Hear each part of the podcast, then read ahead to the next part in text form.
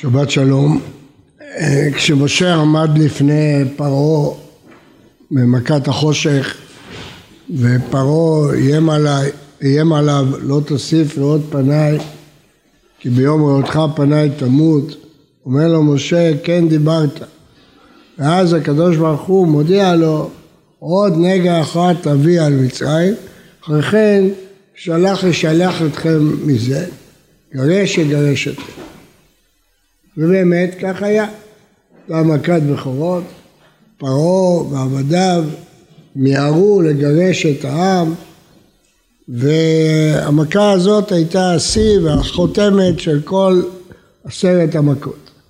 ובני ישראל יוצאים ממצרים ביד רמה עם רכוש גדול כמו שהקדוש ברוך הוא הבטיח לאברהם ואנחנו נראה לנו שהאירוע הסתיים הקדוש ברוך הוא הוציא את עמו מעבדות לחירות, הוא היכה את מצרים עשר מכות, הוא נתן את רכושם לעם ישראל ומכאן ואילך היינו מצפים שעם ישראל יצעדו בדרך לארץ ישראל. אבל פתאום בפרשתנו אנחנו נוכחים לדעת שלא כך היה, שבנוסף לעשרת המכות מתכנן הקדוש ברוך הוא אירוע גדול שהוא לא אמר אותו למשה ולא אמר אותו בתחילה, תמיד דובר על המכות. אבל פה מתוכנן אירוע גדול, מיוחד, יוצא דופן, שהוא קריאת ים סוף, שלצורך כך הקדוש ברוך הוא עשה תחבולה למשוך את מצרים למרות המכות הקשות שהם קיבלו על ידי שנבוכים הם בארץ, עם ישראל עשה תפנית של נסיגה, מה שבלבל את המצרים שחשבו שעם ישראל נחלש ונבוך במדבר וזה הזמן לצאת נגדם להתקפה אם הם חלשים. ובאמת אה, המצרים, פרעה מצליח לגייס את כל עמו ואומר, מה זאת עשינו כי שילחנו את בני ישראל מעובדינו מה עשינו? הפסדנו מיליוני עבדים, לקחו את רכושנו, הנה עכשיו הם חלשים, נבוכים במדבר, הגיע הזמן לתקוף אותם. והוא מגייס את כל חילו, פרעה וכל חילו, למתקפה על עם ישראל, ואז עם ישראל נמצא במצר, הים לפניהם, מצרים אחריהם, והקדוש ברוך הוא עושה את אותו נס גדול, מיוחד, של קריאת ים סוף. ונשאלת השאלה מה היה הצורך באירוע הזה נוסף על עשרת המכות.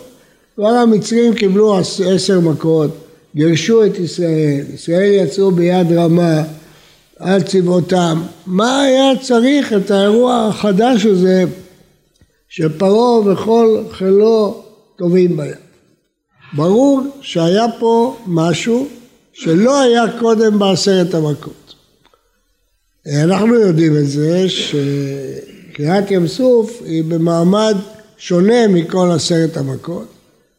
נאמר עליה שירה, שירה זה דרגה מאוד גבוהה של רוח הקודש, אבל בעיקר נאמר שהייתה שם התגלות. כתוב שזה אלי וענווהו, אלוהי אבי וארוממנו, ואתה שפחה על הים, מה שלא ראה יחזקאל בן בוזי הכהן בנבואתו. שנאמר זה אלי וענווהו. התגלות ממש כמו בסיני. דבר השני, ההתגלות הזאת, אפילו לפי חכמים מעוברים בבי אימם ויונקים אה, ראו את התגלות השכינה. היה פה אירוע מאוד מאוד גדול, מאוד משמעותי, אה, שלא דובר עליו בתחילה, אנחנו לא מצפים לו.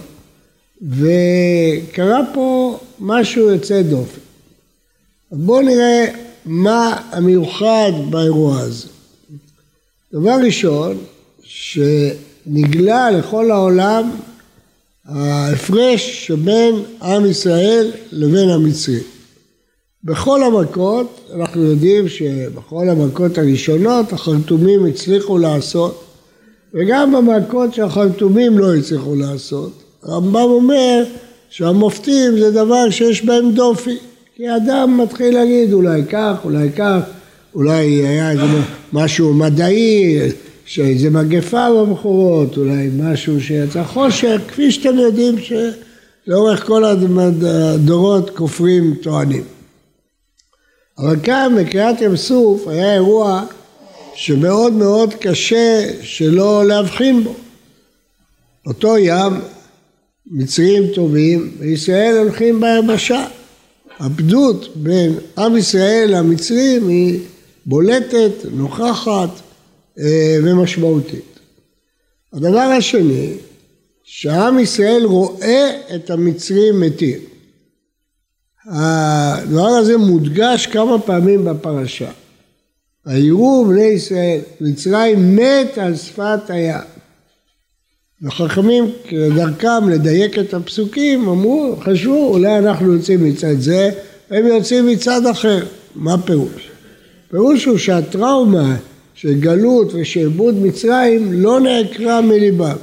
תמיד חשבו עוד מעט תראה את המצרים, עוד מעט הם יופיעו. יש סיפורים מאוד מזעזעים על ניצולי שואה ששנים היו, התחבאו ביער או באיזה בית ולא היו מוכנים לצאת. היו בטוחים שכל מי שבא להוציא אותם עוד מעט יבואו הגרמנים, זה הכל עורמה והיו בטראומה נוראה והיו בטוחים, הנה כל רגע מגיעים הגרמנים. כתבו על זה בסיפורים, מחזות וכן הלאה. אז גם במצרים, עם ישראל היו בטראומה קשה מהמצרים, הם אמרו, כמו שאנחנו יוצאים מפה, הם יוצאים משם. ולכן האירוע בקריאת ים סוף היה שהם יראו את המצרים כולם טובעים בים ויראו אותם מתים על שפת הים. רק אז הם ישתחררו.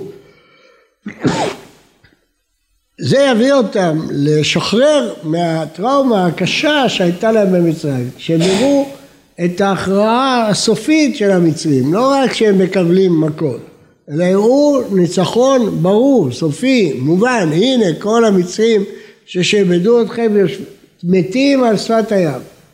אז כשהניצחון הזה הוא סופי, הוא מוכרע, הוא מוחלט, אז ישראל יכול להשתחרר מהטראומה שהייתה במצרים. אז גם בולט פה הפדות בין ישראל למצרים, וגם בולט פה הרגע של השחרור של עם ישראל מהטראומה של מצרים.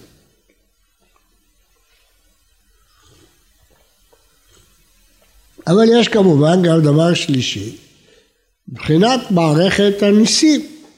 זה קריאת ים סוף, נס שיוצא דופן בכל אה, תולדות ישראל. הים נקרא לשניים ובני ישראל עוברים ביבשה, זה דבר ששום מכה מעשרת המכות לא ישווה לו במופת ובנס שהקדוש ברוך הוא הראה כאן דבר מעל הטבע, השם יילחם לכם ואתם תחרישון, שממש אה, הפך את הטבע, הפך ים ליבשה, כמו שאומר המזמור בתהילים. וכל העולם כולו ראה את זה, כמו שרחב מעידה, שמענו כי הוביש השם מפניכם את מי ים סוף. כל העולם שמע וראה את גדלות האלוקים, שהוא עושה מופת ונס כזה שקריאת ים סוף, הפיכת ים ליבשה. וכדי שלא איזה כופר יגיד שזה גאות ושפל וכדומה, אז המצרים טבעו וישראל ניצלו, היה פה נס, מופת, מוכח. ויש עוד רובד בזה, וזה המלחמה בים. אצל העמים הקדמונים אה, הים היה דבר שאי אפשר לנצח אותו.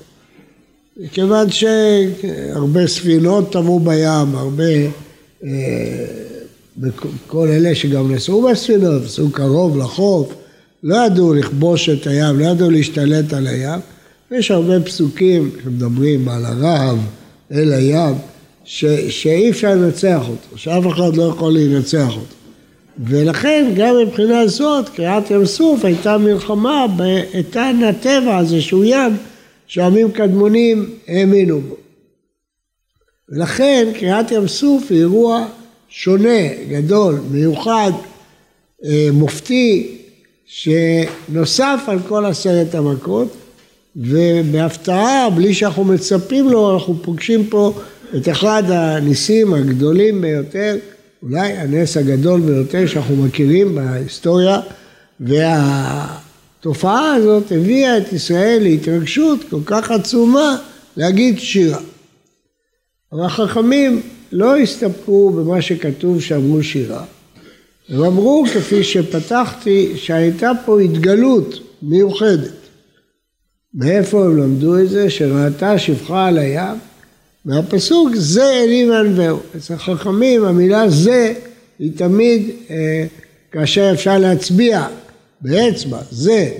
זה אלי וענווהו. מי יכול להגיד זה אלי וענווהו? אפילו נביא בעל אמונה הכי גבוהה וחזקה יכול להגיד כי דמות אדם, כמראה כיסא. להגיד זה אלי וענווהו, מי, מי יכול להגיד ביטוי כזה? הייתה פה התגלות מיוחדת שמקבילה להתגלות בסיני. אבל מה פתאום? בסיני הקדוש ברוך הוא ירד, התגלה לעמו ישראל בטקס מיוחד, בהכנות מיוחדות, כדי לתת תורה לעמו ישראל. פעם בהיסטוריה שהשם נגלה לבני אדם, מה פתאום חכמים מעתיקים את ההתגלות פה לקריאת ים סוף? ברור שההתגלות פה היא התגלות שונה. היא לא התגלות של סיני, שהשם נגלה לעמו.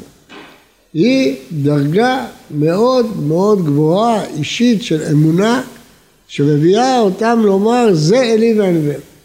כאילו התגלות. והשאלה היא, מדוע? מה הביא את השפחה הזאת, ומימן את כל ישראל, להרגיש שזה אלי וענווה? כמובן עוצמת הנס, אבל לא רק עוצמת הנס. הפער בין המצוקה שהם היו בה לבין התשועה. הפער הזה בין המצוקה כשהים לפניהם, מצרים אחריהם, והם צועקים, לא יודעים מה לעשות. גם משה לא יודע מה לעשות. והוא אומר לו, מה תצעק אליי? ובני ישראל וייסעו. משה ועם ישראל נמצאים במצוקה נוראה. אחרי כל מה שהם עברו במצרים, ועכשיו הם במלכודת. הים לפניהם, מצרים אחריהם, מה יעשו? ילחמו עם ה-600 רכב בחור ושלישי על כולו, העבדים בורחים, יכולים להילחם בהם, הרי כתוב פן ינחם העם בראותה מלחמה ושבו מצרימה, אז כשהמצרים בעצמם לוחמים בהם עם כל הכוחות, מה, מה הם יעשו? ילכו לים? הים לפניהם, מצרים אחריהם, אין מה לעשות. והתשועה הפלאית שבאה מהמצוקה הקשה לתשועה הנפלאה, זה מביא להתגלות. זאת אומרת, שאדם יכול להגיע לאמונה לא רק מתוך מחקר והבנה והשכלה והכרת השם, כמו שהרמב"ם מעריך לכתוב. יש עוד דרך להגיע לאמונה. השפחה הזאת לא למדה מורה נבוכים, לא למדה שום אה, הלכות יסודי התורה, והיא לא יודעת את השם ולא מכירה את השם. אז איך היא אומרת זה אלי וענווהו? התשובה היא שיש עוד דרך להגיע לאמונה. לא רק דרך הידע והמחקר וההבנה. יש דרך שבה הגיע העם לאמונה מתוך ההכרה ראייה בעיניים של אה, מופת כזה שמעביר אותם ממצוקה נוראה לישועה מופלאה, המעבר החד הזה מביא את האדם להתרגשות עזה שהוא אומר זה אלי ונבן. הוא יכול לראות את השם מתוך המעבר לתשועה ממצוקה. זה דבר שזכינו פעם בהיסטוריה, הלכנו לחוות אותו. במלחמת ששת הימים. זכינו לחוות איך בתוך שעות עברנו ממצוקה איומה למי שבגיל שלי זוכר שהרגשות היו אז בדיוק כמו היום, מה, מה עלול להיות. שעם ישראל בסכנה נוראה ואז זה לא היה ממחבלים, זה היה ממדינות, אויב ובבת אחת, בתוך דקות, נהפך לתשועה נוראה, נפלאה, שעם ישראל ניצח בכמה שעות, כמה מדינות. הדבר הזה היה פלא. המעבר הזה מהמצוקה לפלא של רווחה מביא את האדם לאמונה של זה אלי ואנבהו. ראה אבי וארומנו. זה לא אמונה שבאה מהשכלה, מהעמקה, ממחקר, מנבואה, כמו שבהר סיני השם נגלה על עם ישראל, אה, שלושה נכונים, שלושת ימים, אל תיגשו אל אישה, צריך קדושה, צריך מדרגות, כן, כל אחד במדרגתו, לא, פה זה משהו על שפחה, איפה הייתה עומדת בהר סיני? במדרגה הכי רחוקה, פה היא במדרגה הכי קרובה, זה אלי וענווהו, בלי שלושת ימים ובלי שום דבר, למה? יש אמונה שבאה מתוך שאתה רואה את הישועה בבת אחת כשהיא באה, זה מביא את האדם לדרגה מאוד מאוד גבוהה באמונה. אבל עלייה וקוץ בה, כמו שאומרים חכמים. מה זה הביטוי הזה? העלייה של כבש היא עלייה שמנה, אבל לפעמים תחוב בקוץ, אי אפשר לאכול אותה. עלייה וקוץ בה. הדרגה הגבוהה הזאת של האמונה. אנחנו ממשיכים לקרוא כמה פסוקים בפרשה, לא עוברים כמה ימים כמה פסוקים וכמה ימים בשטח, בהיסטוריה. עד שישראל אומרים, היש השם בקרבנו עם עין. איפה האמונה הגדולה זה אלי וענווהו, שם ימלוך לעולם ועד, האמונה הגדולה שהם הגיעו בקריאת ים סוף, הרי ממש מסע ראשון, לא, לא עברו כמה ימים, והם אומרים היש השם בקרבנו עם עין, איך זה ייתכן? התשובה, זה ההפרש בין האמונה הראשונה לאמונה השנייה. אמונה שבאה מתוך הבנה, ידיעה, מחשבה, מחקר, נבואה, היא לא אמונה שאדם יורד ממנה. אבל אמונה שנובעת מהתרגשות עזה, היא אמונה שהיא גבוהה מאוד לשעתה. אבל אחרי זמן היא מתפוגגת. ברגע שההתרגשות מתפוגגת, גם האמונה מתפוגגת. כי כל האמונה נבעה מהתרגשות מאוד מאוד חזקה מאוד מאוד גבוהה שהייתה באותה שעה.